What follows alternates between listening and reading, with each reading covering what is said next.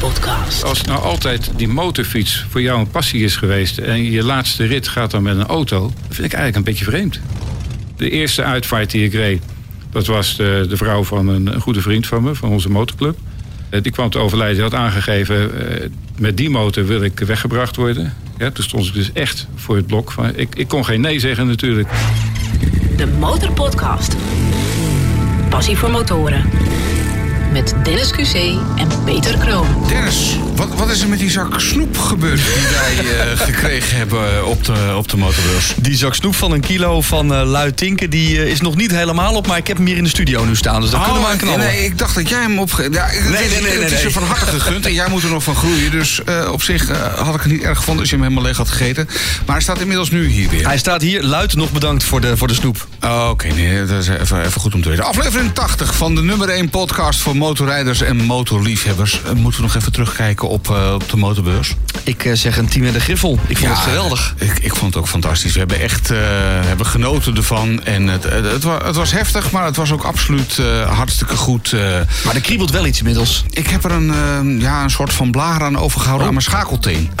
ja, ik, ik was aanvankelijk begonnen op motorlaarzen. Ik denk van, nou, dat hou ik wel vol vier dagen. Maar na één dag had ik al zoiets van... nee, dit moet toch echt even gimpies worden. Want eh, We hadden toch steunkousen mee moeten nemen. ja, zo, zo- zoiets. dat, eh, daar lijkt het bijna op. Hè. Het, het, was best wel, eh, het was best wel heftig. Bij mij is het kriebelen voor die 1000 cc toch echt harder gaan kriebelen.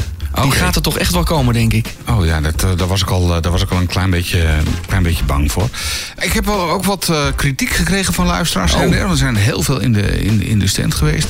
Eh, sommigen zeiden van, jullie moeten wat vaker jullie motoren starten. Dus ik dacht, nou ja, dat is geen probleem natuurlijk. Doen we graag. Ik, eh, ik zal eerst die eens even... eh, ja, dat is lekker. hè. Voor de mensen die mijn motor nog niet zo lang kennen, dit is de Honda CBR 600RR. Een prachtige 600cc rode buikschuiver. Die vindt hem op onze site. Ja, oké. dus de, de- en, en dit is die van mij, dat is een, een, een Hardy. Die nu niet wil starten, dat zou je net zien. Typisch Harley, toch? nou ja, wrijf het er maar even in, hè. Kijk, hij doet het alsnog. Ja, goed. Welke is het? En dit is mijn eh, Road King Special, een zwarte. En eh, ja, daar ben ik eigenlijk ook heel erg blij mee. Maar bij deze dus even op, op verzoek gewoon nog even een keertje extra gestart. Eh, dan was er nog verder een vraag van een luisteraar die zei van... ja, de plaat waar je harder van gaat, waarom, Ja. waarom wordt die niet meer gedaan de vraag. laatste tijd? Nou, dat heeft te maken met rechten. Het ligt een beetje gevoelig qua rechten en zo. Maar ik denk dat ik een oplossing gevonden heb. En als dat voor elkaar is, dan gaan we het zeker weer doen. Veel gevraagd item. Ja, veel gevraagd item. En dan nog iets over reclamevrij luisteren. Zo af en toe zou het zomaar eens kunnen zijn dat je in deze podcast een reclame hoort. Ja, dat is niet voor niks, want onze motoren rijden nog steeds niet op water. Dus het, het moet ergens vandaan komen. En, eh, maar als je een vriend bent van eh, de Motorpodcast, dan heb je binnenkort ook de mogelijkheid om gewoon reclamevrij te luisteren naar de Motorpodcast. Ja, was een suggestie van een van de vrienden die langskwam in de stand. En ik zei, ja, dat is een goede tip. Daar gaan we, daar gaan we wat aan doen. Komen we op terug, maar we gaan zorgen voor een oplossing. Speciaal voor vrienden van de show. Tot zover de huishoudelijke mededelingen en onze eigen motormomenten. Snel nu naar onze gast. De Motorpodcast. Achter het vizier van... Achter het vizier van Ron Hogendijk. Welkom eh, Ron in de studio van de Motorpodcast. Dank je. Het is een eh, wat serieuzer onderwerp dan de afgelopen afleveringen van de Motorpodcast. Want jij verzorgt in Nederland, België en Duitsland letterlijk de last ride voor motorrijders. Dat klopt, ja. Voor we het daarover gaan hebben, eh, uitvaarten op de motor, dus kort samengevat, eh, moeten we toch even eerst naar jou. Want de eerste vraag die we eigenlijk aan elke gast stellen is: waar, rij je op? Privé rijd ik op een eh, Pan America Harley Davidson. Dus zeg maar de hoogpotige Harley. En ja, daarnaast heb ik nog een, eh, een brommer voor, eh, voor het zand. Voor de blubber, voor de bagger. Oké. Dat zijn twee uitersten dan meteen. Ja, ja, fantastisch. Fantastisch. Op de weg en eh, in het zand. En allebei is genieten. En in het zand is het eigenlijk misschien nog wel meer genieten. Want je hebt niet zoveel verkeer om je heen. Maar ik vind het gewoon hartstikke mooi. Lekker dat gas los. Lekker eh, tussen de, de weilanden door en, eh, en rijden. Maar ja, schitterend. Je bent echt wel een, een Harley-man, hè? Want je rouwmotoren, maar dat moet je zo meteen maar even uitleggen... dat zijn Ja. ook vooral Harleys. Ja, dat zijn twee Harleys. Ja, ja. Ja. Ja. ik had hiervoor had ik een KTM eh 1290, een Adventure. En toen kwam Harley met die Pan America. Ik dacht, ja, maar wacht eventjes, daar kan ook een Harley voor komen dan. Oké. En eh, ja, die heb ik heel snel ingeruild. Ik ben naar de dealer gegaan. Ik zeg, eh, die moet ik hebben. Want ik, ik heb er nog niet op kunnen rijden. Hij was er nog niet. Maar ik wou hem gewoon hebben, omdat het een Harley was. En wat, wat is dat dan, die liefde voor een Harley? Ja, ik, ik heb wel een idee natuurlijk, maar ik hoor het graag ook even van jou. Ja, je rijdt zelf ook Harley, heb ik begrepen. En eh, ja, het is moeilijk uit te leggen. Liefde is moeilijk uit te leggen. Gevoel, emotie is moeilijk uit te leggen. En dat heb ik nou eenmaal met die Harleys. Dat geluid, dat... eh, Dat geluid, dit. En, en, en, dan, Deed die mondhoeken omhoog. ja, ja, ja. en, eh, en dan als je een beetje gas bijgeeft, hè? Ja, dat Nou, diepe dat is- ronkende, ja. Het logo, alles wat er omheen hangt. Ik heb het logo in mijn huid staan. Dus eh, ja, ik, ben, ik ben gewoon helemaal gek van Harley. en zo rijdt hij weg. Daar rijdt er weer eentje. Maar dan de derde motor die je hebt. Ja, de derde privémotor is een eh, oude BMW. eh, Een oude GS, 1150. En ja, dat is eigenlijk een beetje mijn pekelmotor. Oké. eh, Ja, hij doet het zo goed. Hij rijdt ook zo lekker. En dat is eigenlijk zonde om hem alleen voor de pekelperiode te houden. Maar het is gewoon een hartstikke fijne motor. Hoe oud is oud dan? Die is van 2000. Nou, Dus nog net geen oldtimer. nee. En je rijdt dus het hele jaar door. Ik rij altijd, ja. De Motorpodcast. Passie voor motoren. Even terugspoelen naar het begin. eh, Jouw eerste stappen op de motor. Waar is de motorpassie voor jou begonnen? In de brommertijd. Eh, eh, 16 jaar brommertje, eh, een tomosje, krijtletjes, eh zulke soort dingen. Altijd eh, druk mee bezig geweest. En dan heb je ook een hele vriendengroep daarbij. En die, die stapte eigenlijk allemaal gelijk over... zodra ze 18 waren op de motor. Het is dus hiermee begonnen. Ja, ik, ik heb ze allemaal op voorraad. hè. Ja. Dus jammer dat je het hoge stuur nu niet hoort. Het hoge stuur. Nee, nee, dat, dat, dat, dat wordt wat lastig. Daar heb je nog geen geluid van. Maar op een Kreidler, eh, Kreidler ook begonnen of niet? Nee, op een Thomas. eh, Thomas, Thomas, ja, ja, ja. eh, 4TL. Ja, dat is mijn hoog stuur. hè? Ja, wat hoger stuur, ja. En dan uiteindelijk kom je bij een Harley uit. Ja, een hele om, eh, omzwerving tussen allerlei eh, motormerken eh, doorgehad. En ook een paar jaar niet gereden. Hè. Je kent het wel, gezinnetje, huisje, boompje, beestje. En ja, dan krijg je toch te horen van een motor is wel erg gevaarlijk. Ja, En toen ben ik maar opgestapt op een Harley. Want dat nodigt dan kennelijk niet zo uit om hard te rijden. Maar je kan wel lekker doorrijden met een Dat is ook wel logica van de koude grond hoor. Ja. Motor is gevaarlijk. En dan stap ik op een Harley. Ja, ja, ja. ja, maar dat hoor je vaak natuurlijk. zo, zo is het bij mij eigenlijk ook gegaan. Wat bij mij niet zo is gegaan, is dat jij uiteindelijk uitvaarten bent gaan verzorgen op die Harley. Ja, Hoe op- ben je daar nou in terecht gekomen? Ja, ik, eh, ik kwam iemand tegen met een schitterende Liberator uit eh, 1942. Een Liberator is een eh, legermotor die de Canadezen meegenomen hebben bij de bevrijding. Vandaar de Liberator, de bevrijder. En ik zei tegen hem, joh, wat een fantastisch mooi ding, die wil ik wel van je kopen. Ja, nee, ik rijd er nu af en toe eens een uitvaart mee en zat ook een zijspan op. En dat, eh, dat was toen niet aan de orde. Ik zei, nou, als je ooit een keer gaat verkopen, dan hoor ik het wel. En toen belde hij op. Maar toen had, er, had hij ook de consequentie erbij dat ik het eh, helemaal moest overnemen. Dus met zijspan, met aanhanger, met website, met websitenaam en voortzetten van het eh, bedrijf Rauw Hardy, zoals het toen heette. Ja. Ja, dat heb ik gedaan. Dus ik moest het voortzetten. En ik moest ook eh, beloven dat als hij kwam te overlijden, dat ik hem op diezelfde motor weg zou brengen. Hm. Ik heb er wel bij afgesproken dat ik eerst eens één of twee uitvaarten ga rijden. Of ik het überhaupt eh, mooi vind. Ja, of je, en of je het kan. Of Want- je het kan, ja. ja. Als je bij iedere uitvaart in de emotie meegetrokken wordt, Mhm. dan wordt het een heel pijnlijk beroep. En ja, ik merkte dat eh, de eerste uitvaart die ik reed, dat was de, de vrouw van een, een goede vriend van me, van onze motorclub. En eh, die kwam te overlijden, die had aangegeven, met die motor wil ik weggebracht worden. Ja, toen stond ik dus echt voor het blok. Van, ik, ik kon geen nee zeggen natuurlijk. Maar dan word je wel in die emotie meegetrokken. Absoluut. Maar een, een, eh, een WLC, een Liberator van dat bouwjaar, dat rijdt natuurlijk anders. Dus eh, schakelen langs de tank, met je voet heb je de koppeling. Dus ik was eh, zo bezig om dat ding aan de praat te houden... dat ik mijn emotie dat ik op dat moment eventjes uit kunnen schakelen. Fijne afleiding. Dat is fijne afleiding, Ja, ja. ja, ja, Dus ja, dat, dat, dat was heel mooi om te mogen doen. Het was overigens de hele dag, eh, kwam het met bakken naar beneden, de regen. Dus dat was nog eens een keer een extra uitdaging. Maar ik kwam terug en iedereen was, eh, ja, was eigenlijk opgelucht dat we het zo gedaan hebben. En toen zag ik ook de waardering die dat heeft. Ja. Eh, het was precies zoals het moest zijn. Hoe komt die waardering dan? Ze achteraf. tegen je? Ja, achteraf, maar ook vaak wel vooraf als je aankomt rijden. Dat ze zeggen, oh wat mooi en wat geweldig dat dit kan op deze manier. Ja. Heel veel mensen hebben er nog nooit van gehoord. Ik schrik er af en toe van dat ook heel veel uitvaartverzorgers er nooit van gehoord hebben. Die gaan er al standaard vanuit dat het een auto is. Ja. Dan is het nog eens een keer met paard en wagen eens een keer eh, wat bij hun bekend is. Maar met, met een motor, nee, daar hebben ze nog nooit van gehoord. Want hoe, hoe is het verschil om een motorrijder de laatste rit te geven op een motor dan in een rouwauto? Ja, ik, in de eerste plaats vind ik het al veel passender.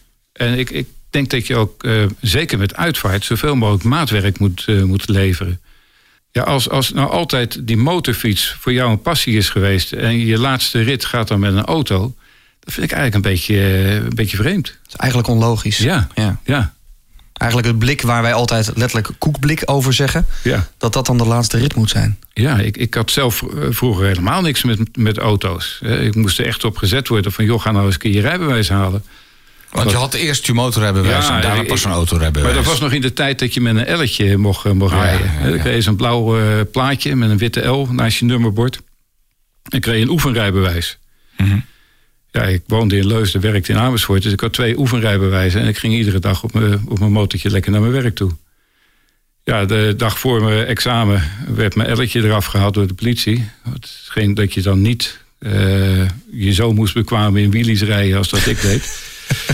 Dus, maar ja, de volgende dag heb ik mijn examen gedaan. Maar daarvoor heb ik ook nog eventjes een half uurtje mijn eerste rijles gehad. Oké. En eh, ja, wel geslaagd. Kan je nou ook niet meer voorstellen. Een Nee. half, Nee. uurtje, half uurtje voor het examen nog even een rijlesje. Ja, ik, eh, maar ik had zoiets van, ja, ik kan schakelen, ik kan remmen, ik kan rijden. Ja. Eh, wat ze nu leren is natuurlijk honderd keer beter. En eh, ja, zo was het toen. Mhm. Hè, Een half uurtje ervoor. En eh, ja, dan heb je je rijbewijs. En vijf dagen wachten op het, eh, op het roze papiertje. En dan op de motor op, op vakantie naar Zuid-Frankrijk. dus die passie zat er al heel snel in. De Motorpodcast. Dan word je ineens een soort uitvaartondernemer eigenlijk. Ja, ben, ben, je- ben je een uitvaartondernemer of zie je het nee, nee, anders? zeker niet. Nee. Nee, Ik, eh, ik regel alleen de laatste rit. En dat in opdracht van een uitvaartondernemer. Transportverzorger. Ja, ik faciliteer alleen maar. Op je site staat onder andere... we rijden door Duitsland, door België, maar ook door Nederland. Ja. Hoe lang mag mijn laatste rit zijn? Ja. Is dat alleen een rondje langs mijn huis waar ik gewoond heb... en dan naar het crematorium? Ja, de er, er staat wel wat over in de wet. Je mag niet zeggen van ik ga een rondje door Nederland maken bijvoorbeeld. Oké, een rondje want- IJsselmeer nog eventjes eraan vastplakken. Ja, want dat, dat, dat zou ik dan eigenlijk Ja. stiekem wel willen. Hè? Is Als dat vastgelegd?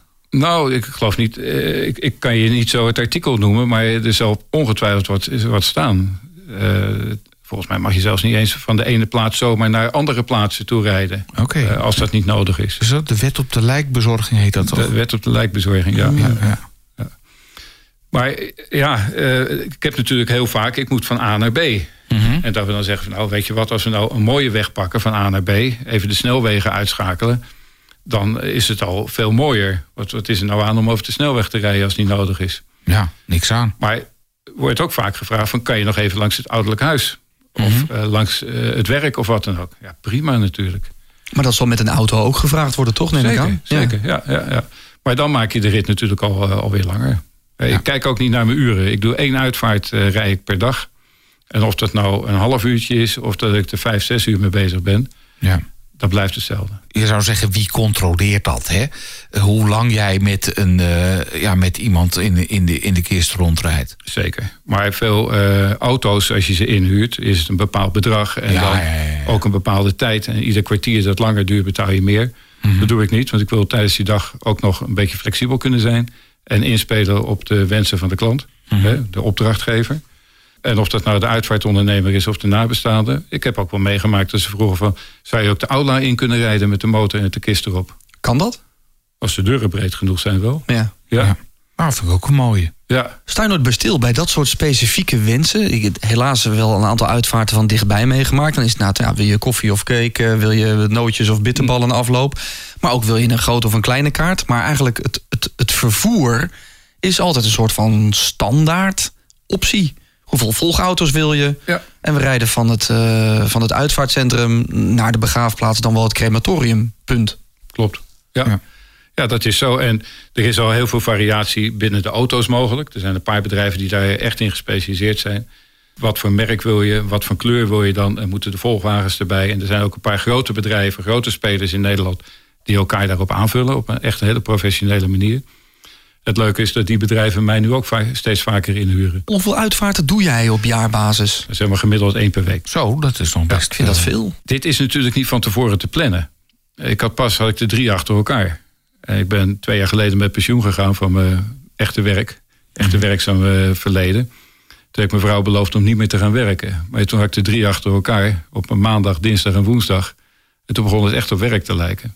En niet dat dat erg is, maar dat is best veel. Want je hebt ook je voorbereiding ervoor. Ik ga meestal met uh, de motor op de aanhangwagen achter de auto. Ga ik ergens naartoe als het ver weg is. Ja, dan moet je kijken waar ga ik parkeren. Uh, waar, uh, hoe moeten we rijden? Ik heb, mij, ik heb de route, ook al heb ik twintig voorrijders voor me. Ik heb de route in mijn Garmin zitten en in mijn telefoon in Maps. Nog heel even terugkomend op, op de lengte van dat ritje. Want ik zat er toen we dit aan het voorbereiden waren ook even over na te denken van wat zou ik dan wel willen. Eh, een rondje door de, het Zwarte Woud bijvoorbeeld. Ja, dan zit je met andere dingen met, met de wet op de lijkbezorging. Ja, dat, dat kan niet. Dan moet je naar Duitsland en dat heeft al eh, de nodige uitdaging om dat te doen. Ja. Ja, het, dus, we kunnen niet uh, hele grote toertochten gaan maken dan. Het, het wordt een beperkt uh, rondje. Maar goed, ja, je zou het wel overwegen dus. Ja, nee, ik, ik zou dit serieus overwegen. Ik bedoel, ik heb iets met motoren. Jij, Dennis, zou jij... Uh... Nee, ik heb ook wel serieus iets met motoren. Maar ik, nee, nog niet. Maar misschien als ik wat langer rijd. Ik vind, ik vind het wel een hele mooie gedachte. En ook de uitleg van ja, je voelt je meer sanang op een motor dan in een auto. Vind ik een hele mooie gedachte. Ja, ja dat zeker. Moet passend zijn. Ja. ja. Jij hoort natuurlijk hele bijzondere verhalen. Ja. Kun je eens een voorbeeld noemen? Nou, ik, ik, ik ging er toen ik ermee begon eigenlijk vanuit dat het uh, hoofdzakelijk, of eigenlijk alleen maar motorrijders zouden zijn. En ik, ik had op een gegeven moment een uitvaart van een dame en die bleek op drie dagen na 100 te zijn, te zijn geworden. Mm -hmm. en ik zag er ook helemaal niets wat maar iets wat eh, op, op motors lijkt. Ook uh, de nabestaanden niet helemaal niks. Ja, dan ga ik vragen, dan ben ik nieuwsgierig. Mm -hmm. En uh, toen bleek dat die vrouw, die had een jaar ervoor gezegd dat ik nog een leven te goed had. Haalde ik mijn motorrijbewijs, kocht ik een Harley. Alleen dat geluid vind ik al zo mooi. Geweldig. En toen kwam ze te overlijden na een jaar. En toen hebben de nabestaanden mij gebeld. Want ze hadden iets op Facebook langs zien komen. Van, is dat mogelijk? Ja, natuurlijk is dat mogelijk. En dan breng je dus een vrouw van bijna 100 jaar... Uh, zo naar de laatste plaats. Ja. En dat was wel heel bijzonder. Ja, want dat wilde ik je dus ook vragen. Inderdaad, uh, het is dus ook mogelijk als je niet bij leven motorrijder bent geweest, maar uh, inderdaad, zo wat je nu vertelt, iemand die als ze het zouden kunnen doen, hadden ze motor gereden. Dus dan het ja. laatste ritje alsnog op een Harley. Nooit bij stilgestaan dat het. Nee, ja, logisch eigenlijk. Ja, maar. Ja, ja. ja, dat is gewoon hartstikke mooi om uh, op die manier ermee te maken te, te krijgen. Ook mensen die uh, bijvoorbeeld de bevrijding hebben meegemaakt. Ja, en dan, dan moet het je geluid van de Harleys die de, de, straat in kwamen rijden met de Canadezen en de Amerikanen. Dat zit zo in het geheugen gegrift. Ja. En zeker met die oude uh, WLC, die Liberator. Ja, dat, uh, kijk, dat is allemaal barbaars, hè, zoals, uh, zoals je daarmee rijdt. Ja, het is allemaal heel basic. Uh, er zit geen knopje op om te starten. Het is een kickstarter. Ja. En dat heb je nu op sommige crossers ook nog wel. Ik hoorde in een vorige podcast de meneer van de TED zeggen, Rogier... Ja. Dat hij ook met een kickstarter rijdt. Ja, dat, dat is heel basic. Maar hoe doe je dat met, met zo'n zo'n oude Liberator? Ik bedoel, het is een oud beest. Ik denk dat misschien ja. 80 of misschien nog wel ouder. Hij is een 42, dus hij is nu 81 jaar. Ja. ja. Hoe hou je zo'n ding goed en hoe hou je hem ook tijdens zo'n uitvaart goed? Want het zal maar gebeuren dat hij uitgerekend dan begint te bokken. Ja, dat kan. Dat En kan. En dat kondigt zich niet aan. Nee. Uh, ik doe alles aan onderhoud. Ik doe alles aan preventief onderhoud. Uh, als je denkt van nou, dat kan nog makkelijk. Ik weet niet hoeveel kilometer mee. Dan wordt het toch vervangen. En de onderdelen daarvoor zijn nog ruimschoots voorradig.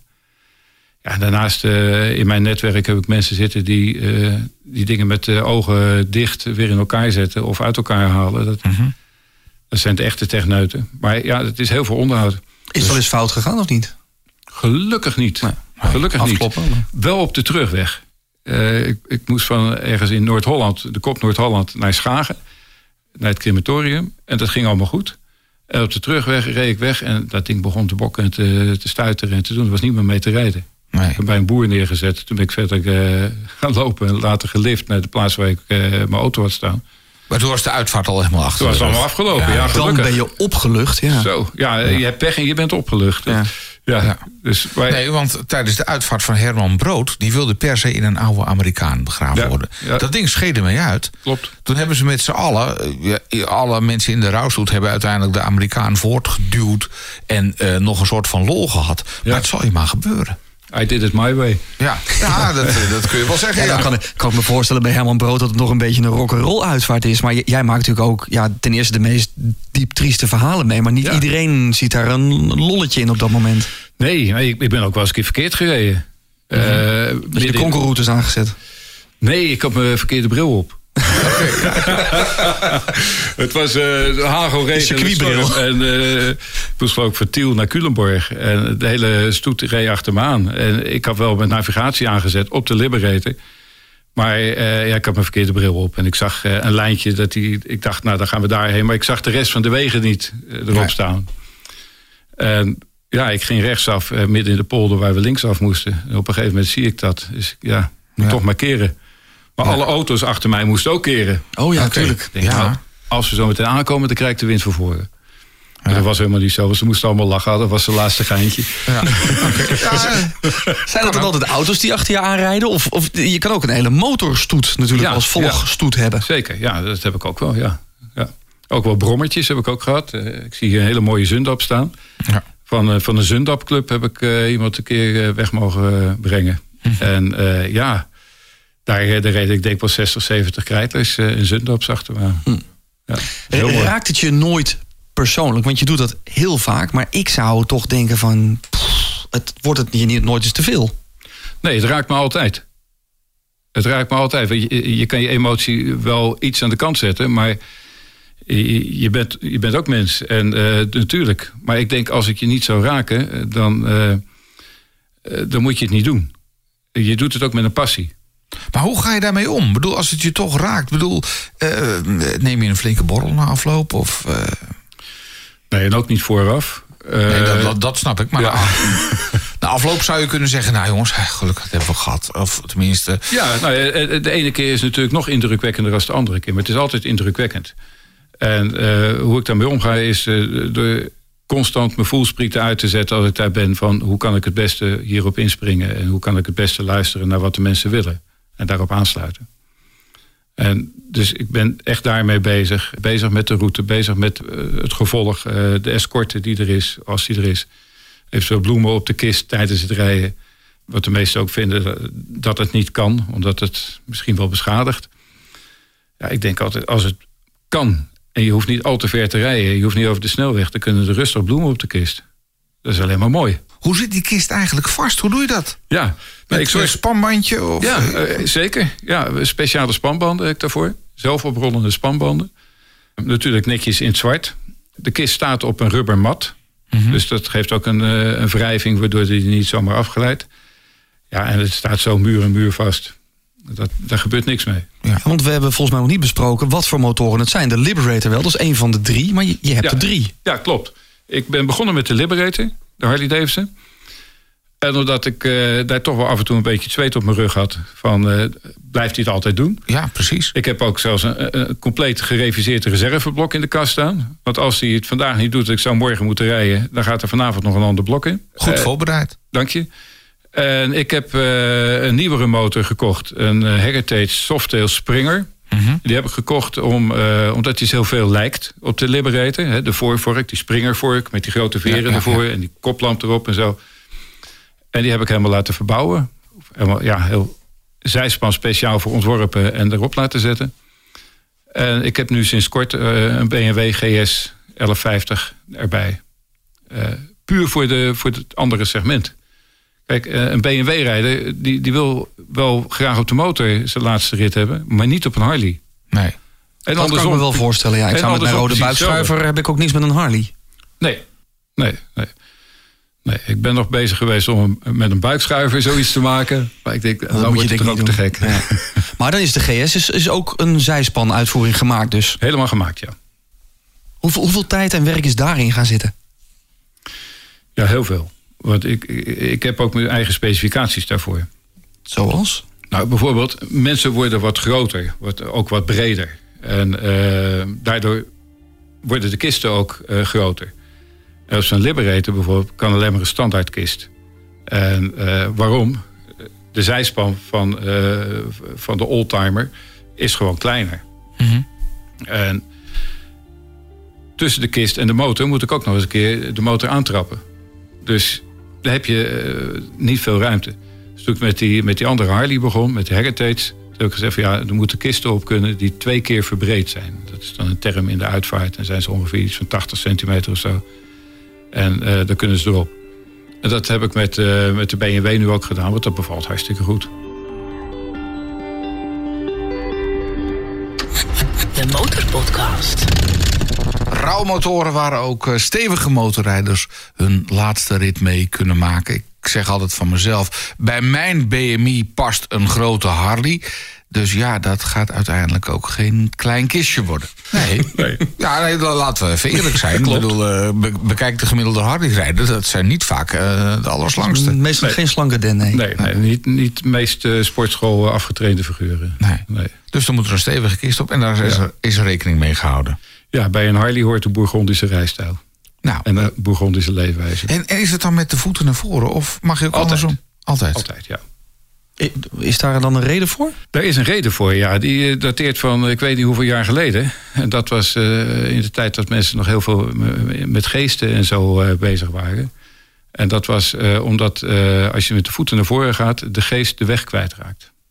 Mm, Oké. In de Surinaamse en Antilliaanse gemeenschap is het nog dat ze... misschien heb je dat ooit wel eens een keer gezien... eh, dat de dragers echt dansen, van links naar rechts... Ja. en dat er Dixieland muziek bij is. Dus ook om de geest eh, eh, op een dwaalspoor te zetten. Dat ze denken dat het een feest is. En dat ze daar niet hoeven te zijn. En, Oh, steeds een andere richting op. Dat is fantastisch om te zien. Dat heb ik één keer meegemaakt in, in Ede. Dat vanaf de Harley werd de kist geschouderd door, eh, door Surinaamse mannen. En ja, die, die maakten er een act van. Fantastisch. Ja, dat ziet er meer uit als een feest. Dat is heel indrukwekkend dan heel als een uitvaart. Ja. om eerlijk Ja, te maar zijn. ik, ik wist niet dat dat was om de geesten te misleiden. Maar ik vind het wel een goeie. Ja. Ja. Maar ook als een kist dus gedragen wordt door dragers... vanaf een auto bijvoorbeeld naar het rouwcentrum... is het ook altijd met Altijd. de voeten naar voren. Altijd met de voeten naar voren. Oh. Ja. Zeg je wel eens nee tegen een uitvaart? Nog niet meegemaakt. Nee? Nee, ik, ik zou niet zo 1, 2, 3 weten waarom ik nee zou zeggen. Nou ja, ik kan me voorstellen dat als de emoties, eh, als je er inderdaad drie hebt gedaan, het, het- het lijkt mij nogal wat om op een motor te zitten met naast je een kist, waarvan je ook weet dat er een overledene in zit, waarvan je weet wat er gaat gebeuren. Ehm, ondanks dat het fantastisch mooi is, maar het zou mij, ja, ik hou het op geen enkele uitvaart droog. Ook al staan de mensen wat verder van mij weg.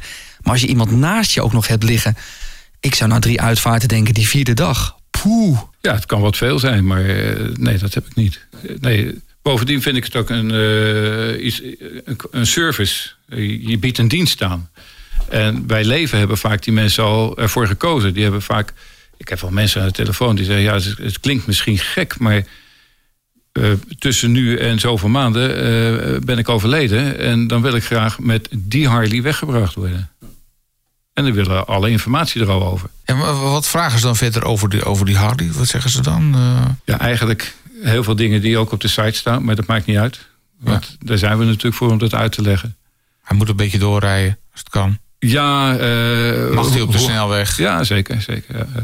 Nou, alle drie mogen ze op de snelweg. Alleen met de Liberator, eh, gelet ga- op zijn zijn bouwjaar. eh, eh, Nee, 81 beter jaar. van niet. Liever niet. Nee. Nee. En maar route binnendoor is toch ook altijd veel mooier dan over de snelweg, lijkt me. Tuurlijk, tuurlijk. tuurlijk. Ja. Ja. Ja, ik, ik zit nu voor mezelf te bedenken wat ik dan eh, graag zou willen. Ik, ik geloof een lekkere hobbelweg. Alsnog even flink. hè, Gewoon een eh, woonerf eh, of zo. Nee, nee, nee. Echt Over gewoon de drempels. echt een flinke, flinke keienweg. Hè, dat, dat de boel nog eens even goed doorgeschud Maar wordt. dat moet je met die Liberator niet doen, denk ik. Er zit niet zoveel viering op. Nee, Nou, dat dan, valt nog mee. Ja? Ja. Dan met die springer, want die, die, die stuitert nog wat harder. Dan, dan wil ik nog even stuiterend richting het eh, crematorium. En voor de volgmotoren, het liefst, om de boel gewoon nog even te kwellen... als het nou midden in de winter is, allemaal gewoon ook op de motor... en dan eh koude klauwen krijgen met z'n allen. En dan in het crematorium, dan doen we wel wat warm, zo weet ik veel wat. Maar, eh, tenminste, Jij gaat ervan uit dat je het kunt timen ook. en In de winter. Als het hartje zomer is, dan moeten ze allemaal zweten. Weet je dat? Ja, ja, Ik zou het er vast eh, gaan vastleggen als ik jou was. De ontberingen van de motor. Moet, Nee. moet, moet, moet iedereen nog even één keer meemaken. Maar heel veel mensen, eh, er zitten nu motorrijders te luisteren waarvan ik zeker weet te denken: ja, vastleggen. Het woord vastleggen. Eh, er wordt heel veel vastgelegd. De erfenis gaat naar die, het hondje gaat naar zus, het kastje gaat zo. Achterop het schilderij zit al een stickertje van met, met naam Piet. Eh, de andere schilderij gaat naar Klaas. Eh, leg in godsnaam vast, ook als je dit mooi vindt, dat dit kan en dat je dit wilt. Ja. Hoe doe je dat? Ga ik, ga ik gewoon naar de notaris en zeg ik Dat hoeft alvast... helemaal niet. Nee? Nee, de- je kan op internet bij verschillende organisaties kan je het allemaal vastleggen. Je kan het ook bij je eigen uitvaartorganisatie, als je daar een verzekering bijvoorbeeld hebt lopen, of vastleggen. Maar je kan ook gewoon een A4'tje nemen en het opschrijven. Ja. Hè, wat wil je? Wil je begraven? Wil je gecremeerd? Of zo meteen ransomeren? Wie moet er uitgenodigd worden en wie per se niet? Eh, hoe, wat voor kist wil je hebben? Eh, wat voor kleur? Noem alles maar op. Ik heb alles al vastgelegd. Ja? Ja hoor, de hele playlist, die zeven platen volgens mij. Dat scheelt een hoop zorgen bij iemand Nou, anders. en je zorgen. weet zeker dat het op de manier gebeurt zoals in dit geval ik het zou willen. Maar ik heb dus niks over... eh, wel volgauto's kon ik kiezen volgens mij of ik dat wilde. Maar ik ga nu toch wel serieus nadenken van... ja, weet je, als je zoveel jaar motor rijdt, w- waarom dat niet vastleggen? Waarom dat besluit bij iemand anders laten? En dan kan die mogelijk het verkeerde besluit nemen. Wil je nog meer horen van onze gasten? Word dan vriend van de Motorpodcast. Kijk op demotorpodcast.nl. Nou, ik vind het wel moeilijk hoor, om, om nu al na te denken over de dood, weet je dat? Aan de ene kant maak ik er wel een grapje over van, nou, pak maar een hobbelweggetje dan. Maar aan de andere kant, ja, ik vind nadenken over de dood, ik vind het toch een beetje een smet op de midlife celebration. Eh, Midlife, ja. Ja, Ja, dat zeg je. Maar er zijn twee dingen waar we nooit aan ontkomen. nee. De eerste is de Belastingdienst en de Ja, tweede het zeggen. is de dood. Dus Ik wou CIB. Ja. ja, die mag je sponsoren. Ja. Maar, eh, maar zo realistisch moet je wel zijn. Kijk, het komt. En we hopen allemaal dat het heel lang duurt. Mhm. Maar het komt wel. Niemand heeft het eeuwige leven, dus Kijk, ooit komt het moment. Leg je zoiets vast. En leg hem bijvoorbeeld in je polismap. Eh, want die wordt dan toch op tegen die tijd gepakt. Zeg ook tegen je nabestaanden, toekomstige nabestaanden... van luister, daar liggen mijn wensen. Als het zover is, hoef je alleen dat te pakken. Ja.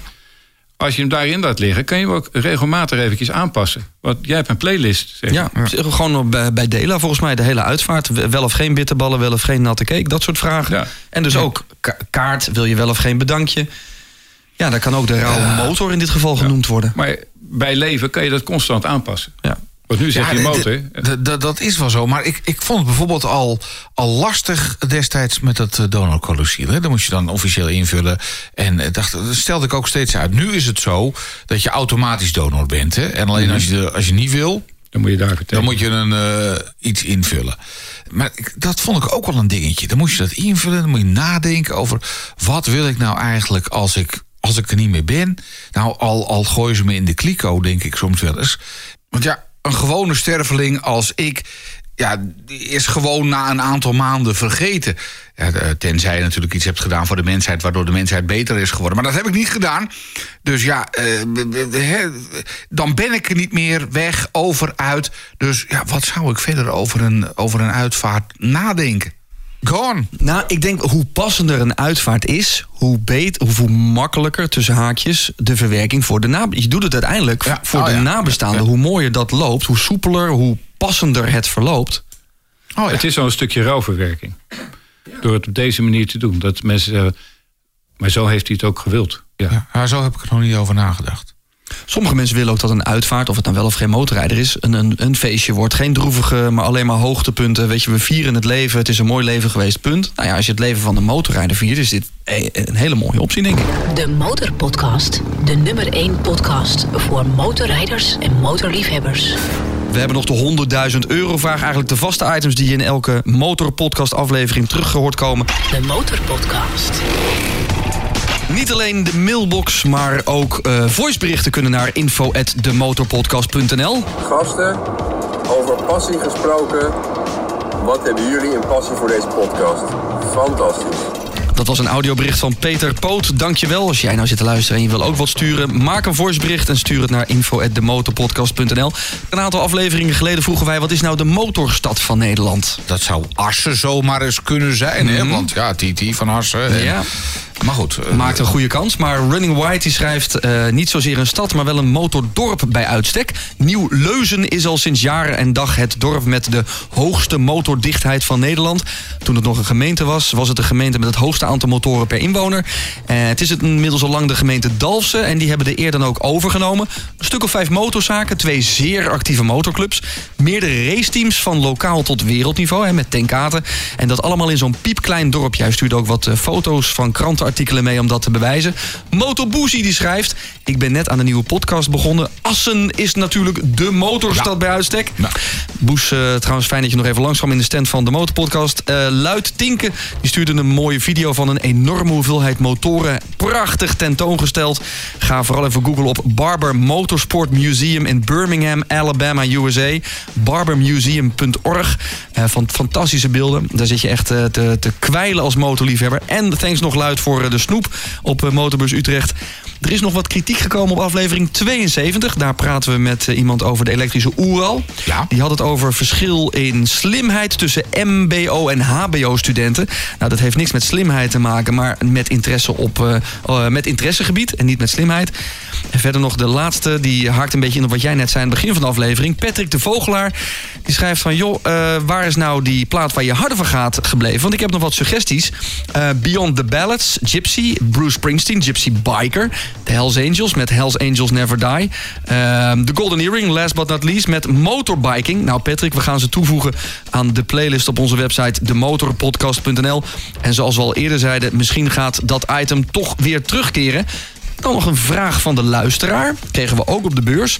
Hoe pakken wij het nou aan als wij een dag willen gaan rijden, Peter? Doen we dat spontaan als we het mooi weer zien worden? Of bereiden we dat helemaal voor? Hoe doe jij dat? Ik ga vooral spontaan. En dat wil zeggen dat ik gewoon, eh, ik stap op. Ik heb een TomTom waarmee ik eh doolroutes in kan stellen. En soms prik ik gewoon echt letterlijk een plek midden in Nederland. En dan, dan, dan, dan geeft hij aan van nou, eh, het duurt drie uur voordat je daar bent. Als je binnen doorgaat. En dan denk ik van nou, het lijkt me wel wat. En dan doe ik dat. En, en soms verschuif ik, het, verschuif ik de eindlocatie een klein beetje. Nou, dan krijg ik een andere berekening.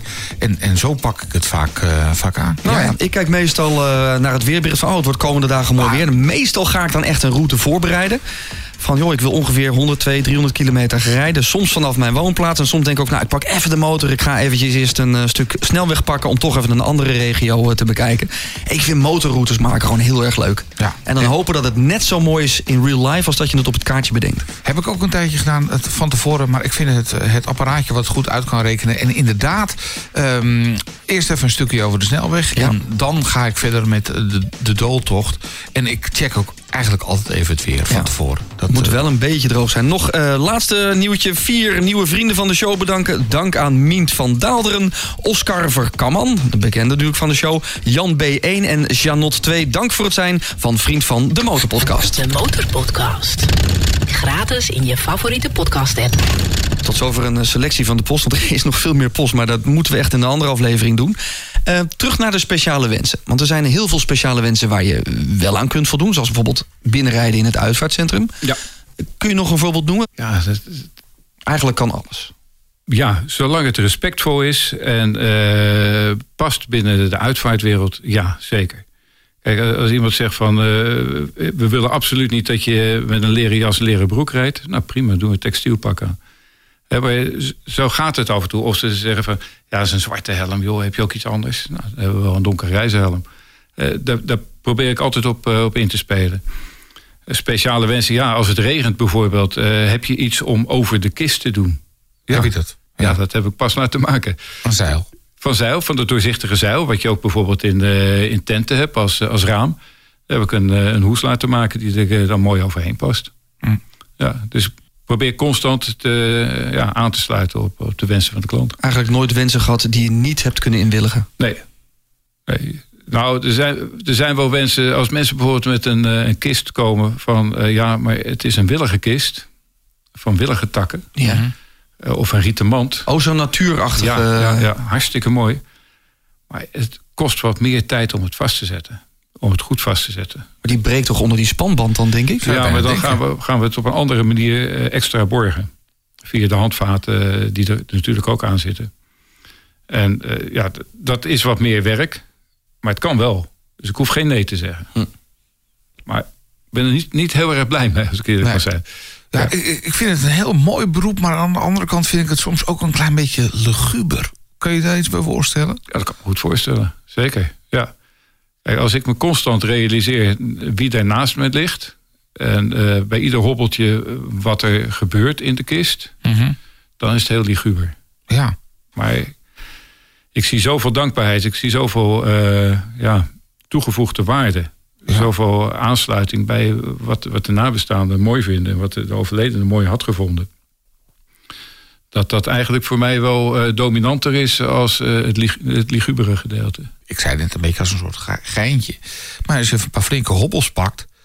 ja, dat, dat, dat dode lijf, dat klapt alle kanten op in die kist. Klopt.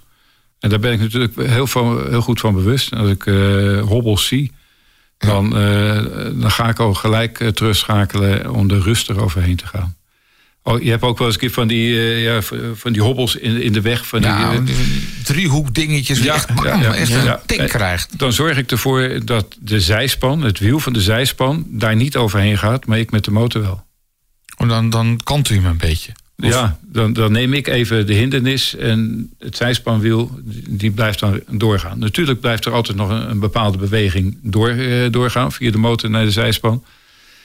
Maar ik, ik neem dan zelf eventjes eh, het minst comfortabele. Ja. Ja. Was dat onderdeel van de training die je hebt gekregen om dit voor het eerst te kunnen doen? Dat dit soort tipjes? Ja, zeker. Ik heb een, eh, een rijopleiding daarvoor gedaan bij, eh, bij Rob Teffer in, in Lelystad. En ja, die man, hoe zeg je dat netjes? Die is prettig gestoord. Die is, In welk opzicht? Nou, die, die heeft echt een heel groot motorhart. En die wil je alles leren op zo'n zo'n middag. En fantastisch om dat mee te mogen maken daar. En ik, ik had zoiets van, ja, ik, ik reed al eh, regelmatig zijspan. eh, meerdere jaren. Ik nu ik dit ga doen, vind ik toch dat ik naar mijn opdrachtgevers... dit verplicht ben om gewoon het maximale eruit te halen. Ik dacht, als je al zijspan kan rijden... Ja, Want dat is, dat is een, een vak apart. absoluut. Als je dat al beheerst, dan kun je ook een rouwmotor rijden. Want, want Ja, wat is, dat, dat is dat, zo. dat lijkt me het Ja. meest logisch. Maar ik had mezelf het, eh, eh, het zijspanrijden aangeleerd. Net zoals dat ik het motorrijden mezelf aangeleerd had. Ik denk, misschien kan ik toch nog een heleboel dingen leren... wat ik in dit vak kan gebruiken. Kun je concrete voorbeelden noemen? Ja, heel concreet. eh, het sturen. Stuur, eh, met een motor, eh, solo-motor, stuur je met je gewicht. En als je langzaam rijdt, nog met je stuur. Maar met een zijspan eh, stuur je hoofdzakelijk met je gas en met je rem. En dat werd daar zo goed uitgelegd... dat ja, ik stuur bijna niet meer met, met de stuur van links naar rechts. En je gewicht verplaatsen heeft helemaal geen zin. Dan blijft gewoon net, het is net als dat je in de auto je gewicht gaat verplaatsen, dan gebeurt er ook niks. En dat heeft hij me zo goed aangeleerd dat ja, het is gewoon af en toe heb je van die, van die eh, S-vormen in de weg zitten om de snelheid een beetje eruit te halen. Ja, dan, dan ga je erin en dan doe je even je gas dicht en dan ga je naar links en dan halverwege de bocht geef je je gas en dan ga je weer naar rechts en dan ga je gewoon vloeiend er doorheen. Zonder dat je je stuur echt aangeraakt hebt. Dat is belangrijk. Dat het is heel belangrijk. netjes en goed gebeurt. Ja. Ja. En op een gegeven moment zat hij in de, in de zijspan heel hard te roepen. Wat is er aan de hand? Ik word helemaal gek hier. En dan reed ik over van die blokken in de weg. Eh, Die gewoon, die witte blokken. Die, eh, die eh, wegmarkering. Oh ja. Ja, gewoon dat, dat verf. Maar hij zat helemaal te schudden. Dat, dat zijn dingen, als je dat weet... dan doe je dat dus ook met de, met de rouwmotor niet. Komt er wel eens een motorclub bij zo'n uitvaart Vaak. kijken? Vaak. Ja, maar ook binnen de club eh, organiseer ik dat vaak. Voor clubs. Voor clubs, ja. ja. Jazeker. Ja, we- eigenlijk eh, de meeste grote clubs in Nederland, ook kleinere clubs, heb ik al, eh, ben ik al geweest. Ja. Nou, dan, dan zijn we en, en blijven we Hollanders. En zijn we natuurlijk allemaal wel benieuwd naar. Wat kost een uitvaart op de motor? Voor jouw gedeelte dan? ja, dat eh, komt aardig overeen met de kosten van een auto. Ik ben niet thuis in deze branche. En gelukkig hoef ik ook niet zo vaak... Ik ben het eh, gelukkig vergeten, maar... Nee, maar eh, het, inzetten van, van een rouwmotor met chauffeur, eh, ongeacht het aantal uren, is tussen de 4,5 en de 750 euro. Afhankelijk van welke motor. Wat een heerlijk gevoel ook, besef ik me nu pas... dat jij niet zo op het kwartiertje kijkt. Terwijl alles in een uitvaart... huur van de zaal, eh, huur van de voorzaal, de, de, de Ja. koffiezaal... alles is op een kwartier. En ik weet nog goed bij de uitvaart eh, waar ik bij betrokken was... dat het een enorme druk geeft dat je weet... Ja. oh, wij staan nu in de zaal van de uitvaart... dit zaaltje hiernaast staat alweer vol met de volgende familie. En wij moeten zo weg, want dat is een roulatiesysteem. Absoluut. Ja. En dat is echt een beetje gehaast. En Ja, het- daar, daar, daar krijg ik zelfs hoofdpijn van. Vind ik gewoon niet netjes. Nou, dat stukje wou ik niet aan meedoen. nee, Nee, absoluut Dat niet. snap ik heel goed. Ik, vind, Dat eh, als, eh, ik heb ook wel eh, gehad dat ze vragen van... eh, kan je twee uur van tevoren aanwezig zijn? Ja, natuurlijk. Ja, waarom niet? Ja. Ja, dat kan alleen maar omdat jij zegt: ik doe er één per dag. Punt. Maximaal. De Motorpodcast. Wat was jij eigenlijk voordat je dit... Want je zei, ik ben met pensioen. Wat, wat, Ja. wat was jouw eh, Ik had een, eh, ver- een motorverzekeringsbedrijf. Oké, dus je, je Ja. was al een beetje thuis in de, in de Ja, weet je, ik, ik, ik ben niet echt technisch. Eh, en eh, ik, ik ben wel helemaal gek van motors. Dus het was, eh, ja, wat moet je dan gaan doen? Dan kun je de hele dag motors gaan poetsen. Dat kon ik wel, maar motors verkopen zou ik ook nog wel kunnen. Mhm. Maar eh, echt sleutelen, eh, ja, daar heb je toch weer andere mensen voor nodig, andere vaardigheden. Maar ik, ik zat ook in de verzekeringen. En toen ben ik maar me, me- me gaan specialiseren in, eh, in motorverzekeringen. Mijn ouders zeiden vroeger altijd... eh, als je iets gaat doen, dan moet je zorgen dat je daar eh, uniek in bent. Ja. Nou, dat is weer gelukt. Ja, Nu, nu ben je ook weer eh, uniek bezig. Ja, ik had in de tijd eh, de eerste eh, flexibele motorverzekering eh, bedacht via internet. En dat, eh, dat was een succes. Daardoor kon ik wat eerder met pensioen als anderen. Die tijd benut je nu eigenlijk ook weer ja, op een unieke manier. En ja, misschien zelfs een soort van nog ietsje nuttiger dan wat je eerst deed. Of zie je het zo niet? Ja, dat zie ik wel. Ja, zeker. Eh, ik had altijd eh, tevreden klanten in de verzekeringsbusiness. En die ook blij waren met hoe je het deed. Maar hierbij heb je dat in, in, ja, in, vers- in ver- versterkende schaal. Het is, het is veel, veel groter, die dankbaarheid. En ja, het is nog meer eh, inspelen op de behoeften van, van wat iemand heeft op dat moment. Met welke motor wil jij weggebracht worden? Ja, Heb je daar al over nagedacht? ja ik wil wel op, eh, op de Heritage Softail. Toch. Ja. En, eh, Ja, ik, ik, ik heb ook het postuur van een Harley rijder, dus ik pas niet op die, die andere. Ja, nee, dat, eh, even, eh, dan weten we dat vast. Is het nu vast vastgelegd hier, eh, geheel digitaal. Oké. En geen volgauto's, maar volgmotoren? Voor de familie auto's en voor mijn vrienden, eh, clubleden en anderen eh, Op de motor. op de motor. Ja. En dan is het dus eerst de, eh, de, de rouwmotor, de, mo- de volgmotoren daarachter en Dat dan kan. de auto's. Dat kan. Als je officieel via de, de protocollen kijkt voor de uitvaart, is het zo dat eerst de escorterende motors, Mhm. dan de, de rouwmotor en daarachter de familie.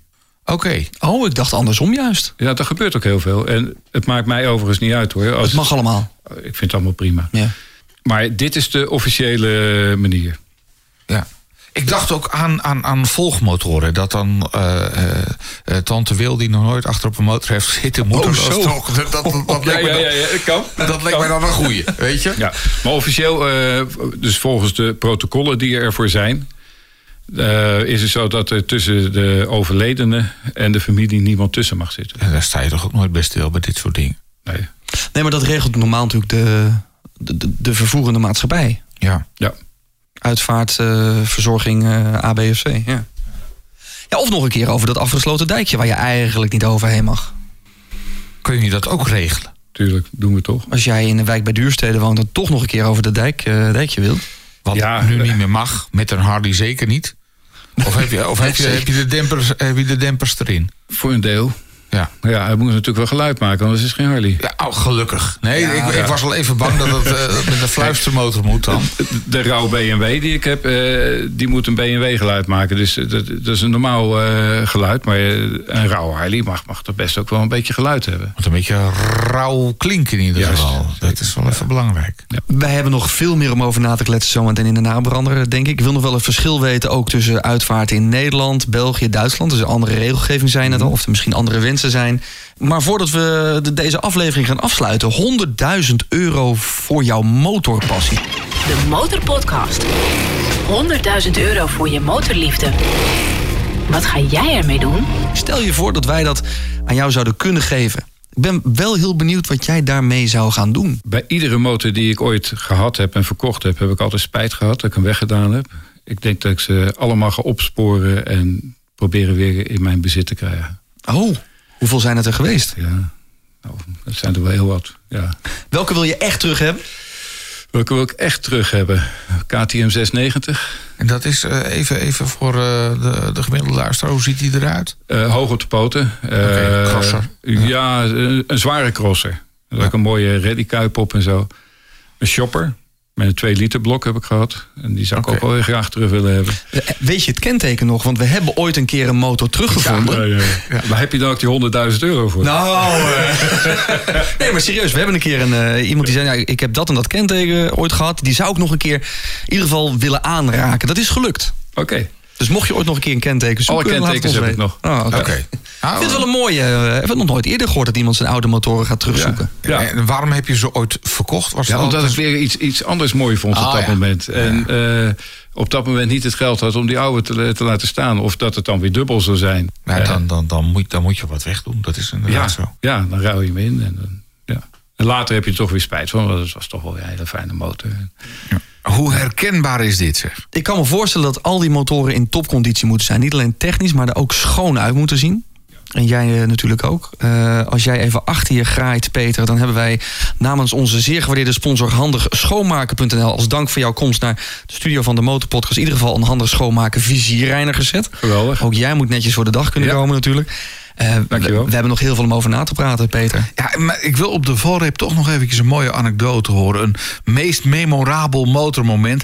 Pakken we daar nog een drankje bij en dan praten we verder voor vrienden in, eh, in de nabrander. Ron, sch- schiet je zo gauw iets te binnen? Ja, met, met de uitvaart bedoel Met de je? uitvaart, ja, ja. ja. eh, dat was bij een, een hele grote club. eh, motorclub. Die eh, wereldberoemd is. En hoe daar het verkeer eventjes geregeld wordt. En dat ik daar gewoon...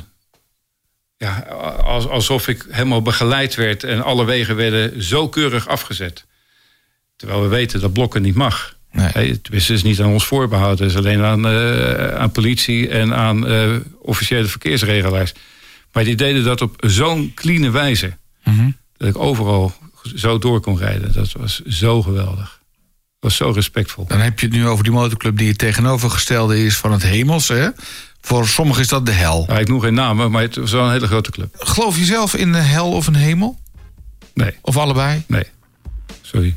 Nee. Ja, dat, eh, ik, ik, ik heb ook zoiets van, eh, er is geen hiernamaals. Daarom moet ik juist hier in het hier en genieten. Ja. zo goed mogelijk aanpakken. Ja. En wil ik liever niet nadenken over dat laatste ritje. Maar goed, we gaan er zo nog even over verder. We gaan nog over nabomen in de nabrander, eh, Ron. Dank voor je komst nogmaals naar de studio van de, de Motorpodcast. Ben je vriend van de show, dan eh, kun je gaan zoeken naar de nabrander... die we zo meteen gaan opnemen. Als je nog geen vriend van de show bent, ga dan naar demotorpodcast.nl. Dan kun je vriend van de show worden. Dan krijg je dus die nabrander en andere extra afleveringen. Je hebt alweer geluisterd naar aflevering 80 van de Motorpodcast. Wie had dat gedacht, Peter? We praten elke aflevering met iemand over de passie voor motoren... en dus ook dit soort bijzondere onderwerpen, want ook dit hoort erbij. De Motorpodcast wordt gemaakt door Peter Kroon en Dennis Q7 uit studio Het Kroondomein in Hilversum. En vind je deze podcast nou interessant? Deel hem dan met andere motorrijders, die ken je vast. En luister je nou via Spotify, druk dan op volgen... want dan krijg je automatisch een seintje bij de volgende aflevering. De Motorpodcast. Gratis in je favoriete podcast-app.